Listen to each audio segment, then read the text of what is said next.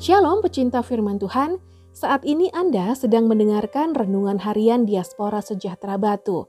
Pembacaan Alkitab hari ini terambil dari Kitab Keluaran pasal 33 ayat 7 sampai 14.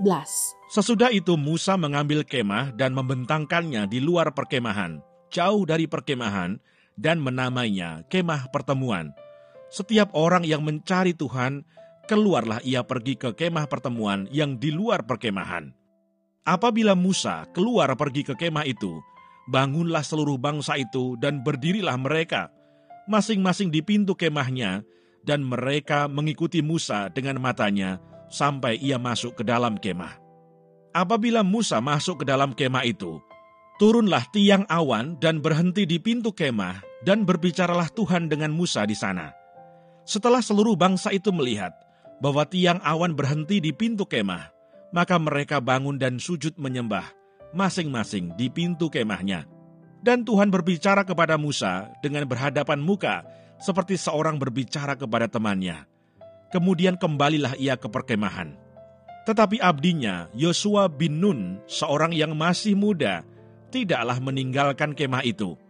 Lalu berkatalah Musa kepada Tuhan, Memang engkau berfirman kepadaku, suruhlah bangsa ini berangkat, tetapi engkau tidak memberitahukan kepadaku siapa yang akan kau utus bersama-sama dengan aku.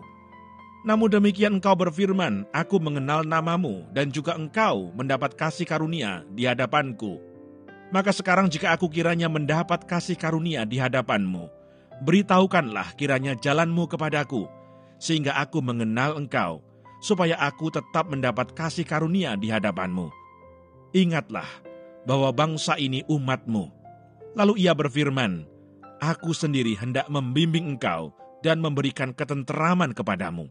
Ayat Mas hari ini dari kitab keluaran pasal 33 ayat 10. Setelah seluruh bangsa itu melihat bahwa tiang awan berhenti di pintu kemah, maka mereka bangun dan sujud menyembah masing-masing di pintu kemahnya. Keluaran 33 ayat 10. Renungan hari ini berjudul dapat melihat penyertaannya. Manusia merupakan ciptaan Allah yang memiliki emosi. Kata emosi sering kali kita gambarkan dalam bentuk kesedihan, kekecewaan, kemarahan ketika menghadapi situasi yang tidak sesuai dengan harapan. Dalam ilmu psikologis, emosi diartikan sebagai reaksi kompleks yang melibatkan pengalaman, perilaku, dan fisiologis yang digunakan untuk menangani masalah atau peristiwa penting yang dialami oleh individu. Dalam sejarah keselamatan yang Allah kerjakan bagi manusia, bangsa Israel menjadi bagian yang penting karena Mesias datang dari bangsa Israel, tetapi salah satu problemnya, bangsa ini merupakan bangsa yang sulit diatur. Oleh karena itu, didikan Allah terhadap Israel menyentuh dari segala sisi kehidupan manusia. Allah menyentuh sisi psikologis dari bangsa ini, sehingga mereka memiliki banyak pengalaman dengan Tuhan dan bahkan dapat melihat kehadiran Tuhan dalam bentuk awan. Dengan melihat secara nyata kehadiran dan penyertaan Tuhan dalam perjalanan menuju tanah Kanaan, seharusnya tidak ada alasan bagi mereka untuk mengotori hati dan pikiran dengan hal-hal yang tidak berguna, sehingga mereka berpaling dari Tuhan. Jadi, melalui perjalanan bangsa Israel, kita dapat belajar untuk melihat penyertaan dan pemeliharaan Tuhan dalam hidup, walaupun Tuhan tidak nampak atau dapat dilihat dengan mata telanjang seperti pada zaman Musa.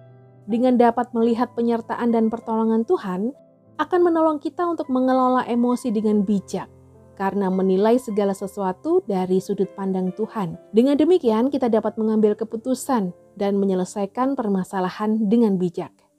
Mari belajar melihat Tuhan dalam perjalanan hidup kita dan bukan mendengar perkataan manusia yang hanya menyakiti hati saja. Maka berkatalah Hagai utusan Tuhan itu menurut pesan Tuhan kepada bangsa itu demikian. Aku ini menyertai kamu, demikianlah firman Tuhan. Hagai 1 ayat 13, Tuhan Yesus memberkati.